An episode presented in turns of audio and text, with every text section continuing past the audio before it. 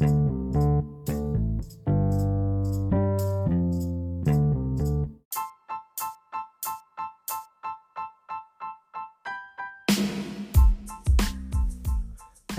kembali lagi di podcast hari ini.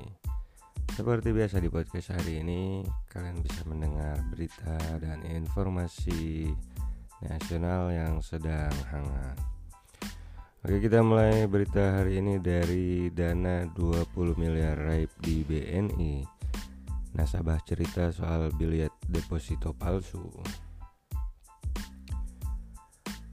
Kasus dugaan raibnya dana deposito nasabah PT Bank Negara Indonesia Persero TBK atau BNI senilai 25 miliar ternyata tak lepas dari andil oknum karyawan di bank plat merah tersebut.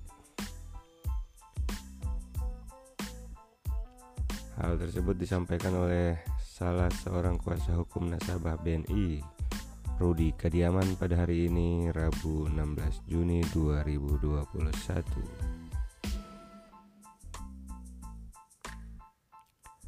Rudi menjelaskan kasus ini bermula dari laporan dua nasabah BNI kantor cabang PT Kemas Pelabuhan Makassar yakni seorang putra dan bapaknya.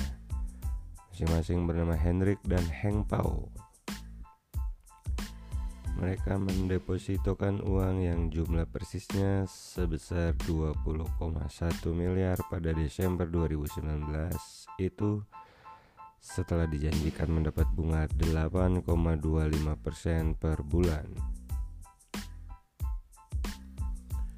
Awalnya mereka mentransfer uang dari rekeningnya di Bank Maspion ke BNI sebesar 20,1 miliar dengan sistem real time gross settlement RTGS.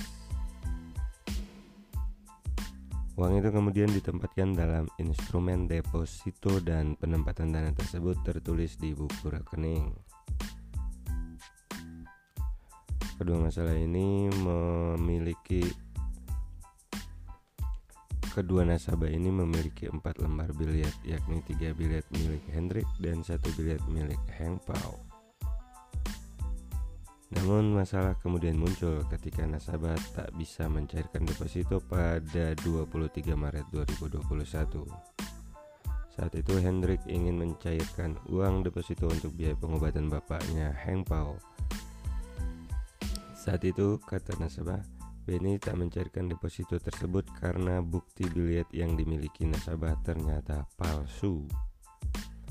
Sejak saat itu kata Rudi, kedua nasabah terus mempertanyakan kasus tersebut ke BNI.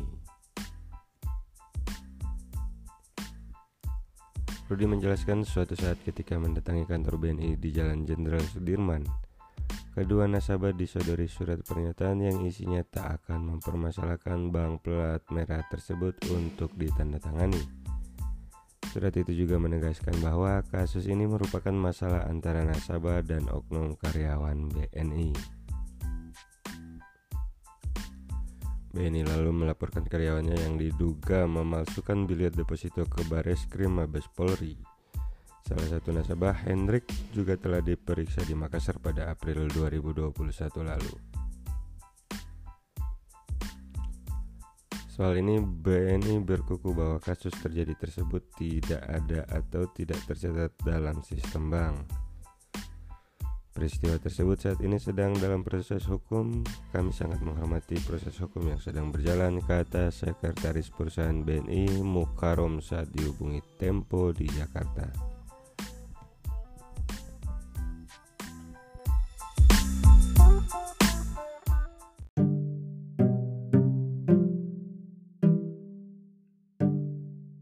Hai, terima kasih telah mendengarkan podcast hari ini. Sampai jumpa di podcast selanjutnya.